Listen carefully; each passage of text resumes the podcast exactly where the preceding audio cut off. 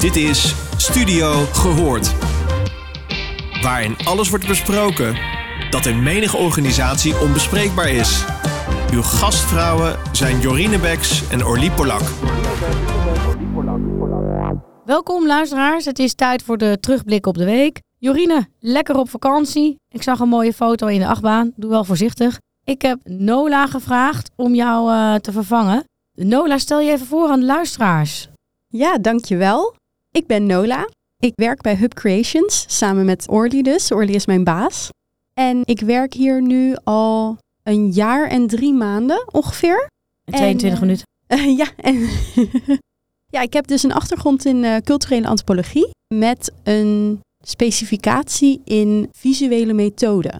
En dus dat is hoe kijk je visueel naar antropologische vraagstukken. En daarvoor heb ik dus ook een documentaire gemaakt. Dus ik ben uh, heel erg benieuwd naar dat soort onderwerpen en dat soort manieren van cultuuronderzoeken doen. En ik dacht, hoe interessant is het, omdat Nola is hartstikke jong, dat kunnen jullie als luisteraars natuurlijk niet zien, maar uh, ik vertel jullie dat. Hartstikke jong en antropologen, dus dat is ook handig om dan te praten over cultuurschok. Want die hebben we nogal eens. We hebben eerst een periode van uh, corona gehad, wat wat deed met samenwerken en vertrouwen. En de laatste tijd zijn we opgeschrikt door een uh, vreselijke oorlog. Met ook nog eens keer vreselijke dreigementen over nucleaire wapens en uh, andere bedreigingen in die orde. En ik vroeg me heel erg af, wat doet dat nou met jou als jeugdige twintiger? Hoe kijk jij naar de wereld? Hoe ga jij om met deze cultuurschokken? Ja, zo, daar vraag je me wat. Het is heftig. Het is natuurlijk vreselijk wat je hier hoort. Wat er in Oekraïne aan het gebeuren is. Gewoon die hele situatie. Het is gewoon lastig om af en toe gewoon goed te kunnen begrijpen van wat, wat is er nou aan de hand? En hoe voelen die mensen zich? En wat gebeurt er nou allemaal? Ja, je hoort wel dingen op het nieuws. Maar in hoeverre is dat oprecht ook wat die mensen meemaken? Dus dat is sowieso iets waar je dan een beetje in je hoofd mee bezig bent. En het was vooral een hele gekke situatie. En vooral een beetje ook een intern conflict. Want wij hadden natuurlijk hier in Nederland corona. En wij waren best wel al een tijdje in lockdown. En heel veel dingen konden niet meer. En de dag dat alles weer open ging, was dus ook de dag dat Rusland Oekraïne binnenviel. Dus je zag aan de ene kant allemaal dingen in het nieuws over dat Rusland Oekraïne was binnengevallen. En aan de andere kant had je dus ook op social media en op Instagram allemaal posts van mensen die juist een feestje gingen houden omdat het weer kon. Ze konden weer samen zijn, je kon weer samen komen en leuke dingen doen. Dus dat was echt een heel erg intern conflict. Van aan de ene kant van, oké, we zijn blij dat corona in Nederland nu in zoverre een beetje geaccepteerd is dat we weer dingen kunnen. Dus ga je dat vieren. Maar aan de andere kant lees je dit nieuws en voel je dan een soort van toch op een manier schuldig van ik heb het nu super erg naar mijn zin en ik ga wat leuks doen. Terwijl andere mensen oprecht aan het vluchten zijn voor hun leven. Dus dat is wel echt iets waar ik als jong persoon en ik denk ook door de invloed van social media wel echt over ging nadenken van hoe zit het nou? Dit is toch zo'n bizar concept dat deze twee dingen tegelijkertijd gebeuren en ook zoiets groots zijn op social media. Ik kan me ook wel voorstellen dat je ja, wat angstiger naar de wereld kijkt. Ja, zeker, zeker. Het is ook heel dichtbij. En dat heb ik zelf nog nooit ervaren in die zin van je hoort wel dingen over oorlog en je leest er ook wel over. Maar dit voelt oprecht nu heel dichtbij. En vooral ook met de dreigementen die Poetin aan het maken is. Het voelt oprecht alsof elk moment het ook kan veranderen hier in Nederland. Hij hoeft maar één beslissing te maken en hij kan gewoon zoveel kapot maken. En dat is wel echt eng. En ik weet natuurlijk dat jij niet uh, in Nederland bent opgegroeid, maar in Hongkong. En daar heb je natuurlijk ook een mega cultuurschok van een uh, ja, uh, vrije stad eigenlijk, of land kun je het bij. Ja. ja, land was het. Naar geen vrije land meer. Ja, nee, dat is ook heel gek. Vooral omdat er is daar zoveel aan de hand. En natuurlijk is het nieuws heel erg bezig met corona, met wat er in Oekraïne gebeurt, met überhaupt ook gewoon Nederlands nieuws. Dus je hoort er heel weinig over eigenlijk, wat er in Hongkong gebeurt. Maar mijn moeder woont er nog steeds, dus ik krijg ook heel veel van haar mee. En het is echt bizar. Het is gewoon te gek voor woorden wat daar nu allemaal gebeurt. Mensen liggen op straat omdat ze de coronasituatie gewoon niet in de hand hebben.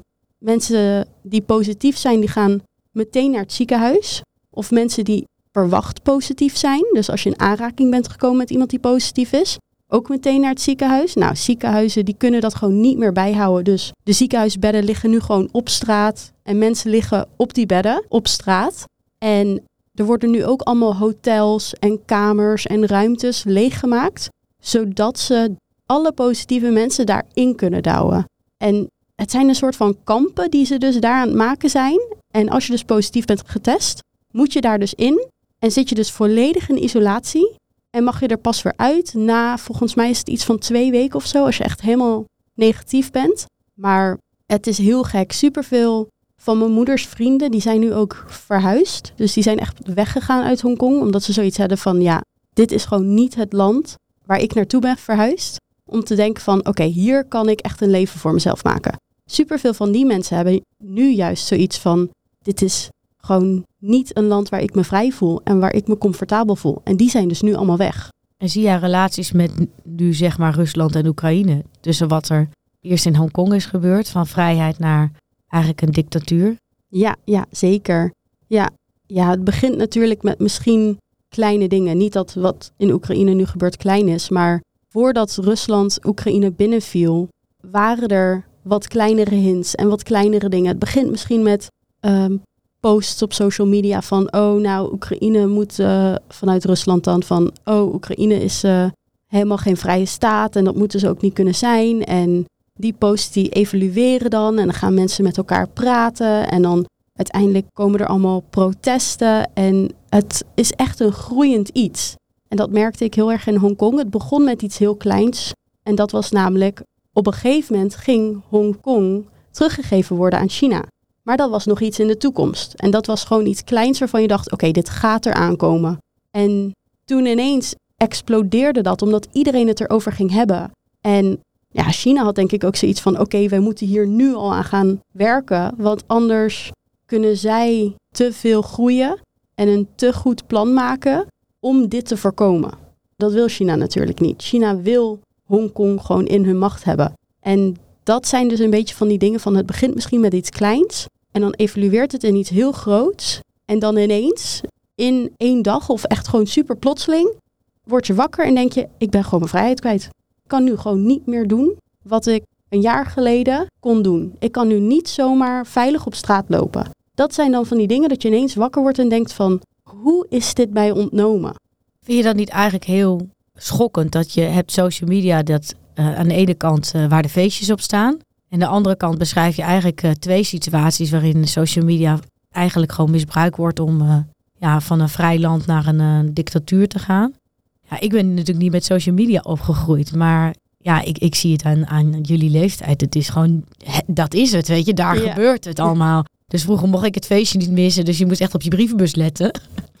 ja, dat is heel ouderwets, ik weet ja. Dus en, uh, maar dit is gewoon ja, hoe jullie communities maken. En, en nu wordt die, diezelfde omgeving wordt eigenlijk ook misbruikt. Ja, zeker. Voor, um, ja, eigenlijk gedachtepolitie en manipulatie. Ja, wat je zowel in Rusland als in Hongkong ziet, is dat heel veel nieuwsorganisaties gesloten worden. En dat zijn vooral de nieuwsorganisaties die gewoon oprecht vertellen wat er aan de hand is. En die worden allemaal gesloten, omdat ze natuurlijk, ja, de staat wil hun eigen beeld hebben. En ze willen alleen maar nieuws wat de leiders in dat land zullen vertegenwoordigen. Dus dat is ook gewoon echt schokkend, dat, dat, dat ze dat gewoon kunnen. Want ik hoorde nu ook dat, omdat dit dus in Rusland gebeurt, zijn heel veel van die nieuwspartijen worden gesloten en mogen gewoon niet meer oprecht nieuws uh, vertellen. Dat ze nu hebben gevraagd of je op Google een review kan achterlaten op een restaurant. En in dat review schrijf je wat er dus echt aan het gebeuren is. Dus stel je voor in Nederland, je leest het nieuws, dat bekijk je dan. Dan ga je dus naar Google, dan zoek je een restaurant op in Rusland en dan post je in de review van dat restaurant wat er aan de hand is in de wereld en het nieuws wat jij net hebt gelezen. En hoeveel wordt dat nu gedaan? Dat wordt best wel veel gedaan. Dus uh, ik vind dat ook iets heel moois. Aan de ene kant inderdaad, het lastige aan social media is, je kan het zo erg beïnvloeden. En ja, als je het leest en je gelooft het en je denkt, oké, dit is de waarheid, dat is natuurlijk iets heel gevaarlijks. Maar aan de andere kant is social media ook heel mooi, omdat je op zoveel andere weggetjes toch bij de waarheid kunt komen. En dat doen ze dus nu via deze restaurantreviews. En hoe beleef jij dan eigenlijk jouw uh, virtuele omveld?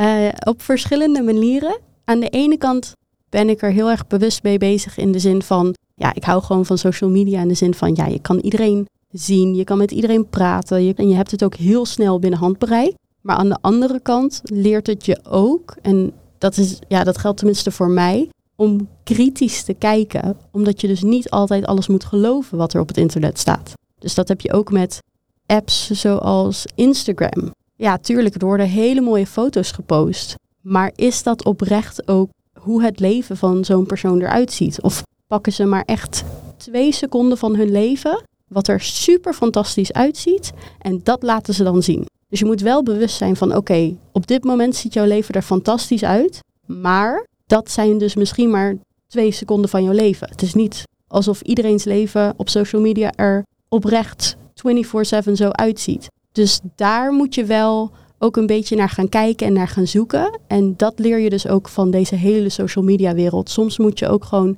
kritisch kijken naar wat er wordt gepost. En soms denk ik ook oprecht van oké, ik moet gewoon echt even een pauze nemen. Want het, is, het wordt gewoon te veel. Ja, mij lijkt dat heel lastig. Want aan de ene kant wordt jouw omveld gewoon gebruikt om in, in nog geen twee dagen omschrijf jij van een democratie in een, vrij land naar een dictatuur te gaan. Je ziet inderdaad de retoriek van Rusland uh, richting uh, Oekraïne is, is natuurlijk ook allemaal over social media gespeeld. Eigenlijk gewoon een, een, directe rechtvaardiging naar zijn mensen toe van joh, ik ga nu bommen gooien. Dat je ook denkt van ja, ik zou zelf denken van joh, waar is het einde? Is, is social media niet een accelerator geworden van iedereen die kwaaie bedoelingen heeft? En ook al genieten we er heel erg van, het, het maakt het soms ook wel heel spannend dat het zo snel kan gaan. Ja, nee, zeker. En het gevaar aan social media is ook, het is anoniem. En je kan zoveel gemene en enge dingen zeggen op social media in de comfort van je eigen woonkamer. En dat soort mensen durven zich dan ineens uit te spreken en allemaal nare dingen te schrijven en zeggen. En iemand anders die dan ook in zijn woonkamer veilig zit en dat dan leest en denkt van, oh nice, nice, hier kan ik ook op ingaan. Die mensen die kunnen elkaar nu fuelen en die hebben elkaar gevonden. En dat is dus ook iets heel engs, omdat die mensen in het begin het misschien lastig hadden gevonden om echt een grote groep van support te krijgen in hun gedachtegoed. En dat is nu iets wat ze heel makkelijk kunnen vinden. Maar tast dit jouw uh, wereldbeeld aan? Want ik ben opgegroeid, daar hadden we geen haatwand. Ja, het, uh, ik denk het zeker wel. Het heeft zeker een invloed op ja, hoe ik leef en überhaupt wat ik denk ik ook doe. En soms vind ik dat oprecht ook jammer. Soms denk ik ook van, misschien had ik ook liever in een tijd geleefd waar social media niet zo'n grote impact had. Omdat het leven volgens mij oprecht soms in die zinnen gewoon ja, misschien veiliger voelde. En ook gewoon persoonlijker en intiemer.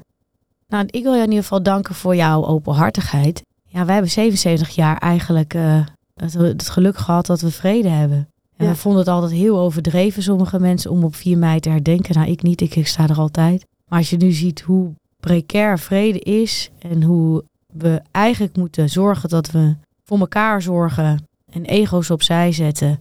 En proberen ook een beetje te letten op wat we allemaal spuien op social media. Omdat het is echt een soort ja, haatbom. Die mensen echt beweegt ook tot hele nare daden. Of in ieder geval ook mensen beweegt om misschien niet in te grijpen. En misschien ook dan weer mooie dingen doet als in de zin van uh, post op, uh, op Google. Maar uh, ja, dankjewel voor deze terugblik van de week. Ja, geen probleem. Niet zo'n vrolijke noot, maar we voelen ons ook niet zo vrolijk deze week, toch? Nee, nee er is helaas heel veel gaande om uh, niet echt vrolijk over te zijn. Goed weekend allemaal. Dag.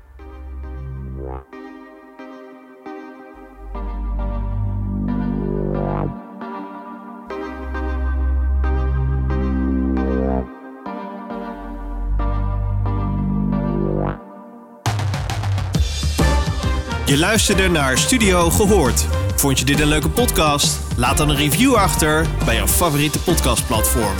Tot de volgende!